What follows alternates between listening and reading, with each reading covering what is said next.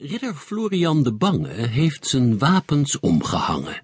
Schuw en schichtig als een vos sluipt hij door een heel groot bos. Hij maakt jacht op een bekende en gevreesde roversbende. Maar hij ziet niet één bandiet. Fijn, ze zijn er lekker niet. Rovers kun je toch niet temmen. Maar wat hoort hij daar nou? Stemmen! Florian duikt op zijn buik en gluurt bevend door een struik. 24 woestelingen staan betoverend mooi te zingen. Het klinkt droevig, maar ook fijn. Hij vergeet om bang te zijn. Om het beter nog te horen, kruipt hij helemaal naar voren. En dan gaat hij langzaam staan en begint de maat te slaan. Als het uit is, klapt hij krachtig en hij stottert, papa, papa, papa, prachtig. U bent echt geen bende, hoor. Zeker niet. U bent een koor.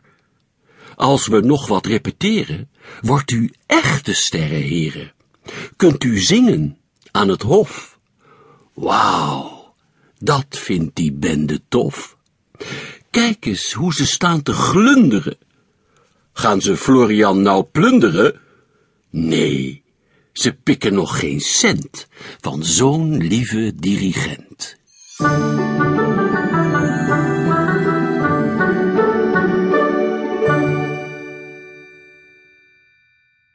Pestkop Ridder Florian de Bange krijgt bezoek van heer De Lange. Wat een schrik voor Florian. Het is een akelige man, die hem altijd loopt te pesten. Hij moet vluchten, dat is het beste. Help, daar bonst hij op de deur. Florian verschiet van kleur. Binnen, piept hij, zonder kloppen. En hij gaat zich gauw verstoppen in het harnas, in de hal. Net op tijd, daar komt hij al. Scheitert, ben je weer gevlogen? roept die heer met twinkelogen. Goed, als jij niet thuis wilt zijn, sla ik de boel hier kort en klein. Florian begint te beven. Daardoor rammelt hij heel even. Mama, piept die heer heel hoog. Help, dat harnas, het bewoog. Help, help, geesten, spoken, jammert hij ineengedoken.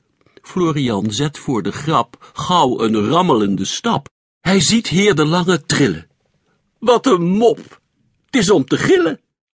Florian klost naar hem toe. En dan zegt hij zachtjes,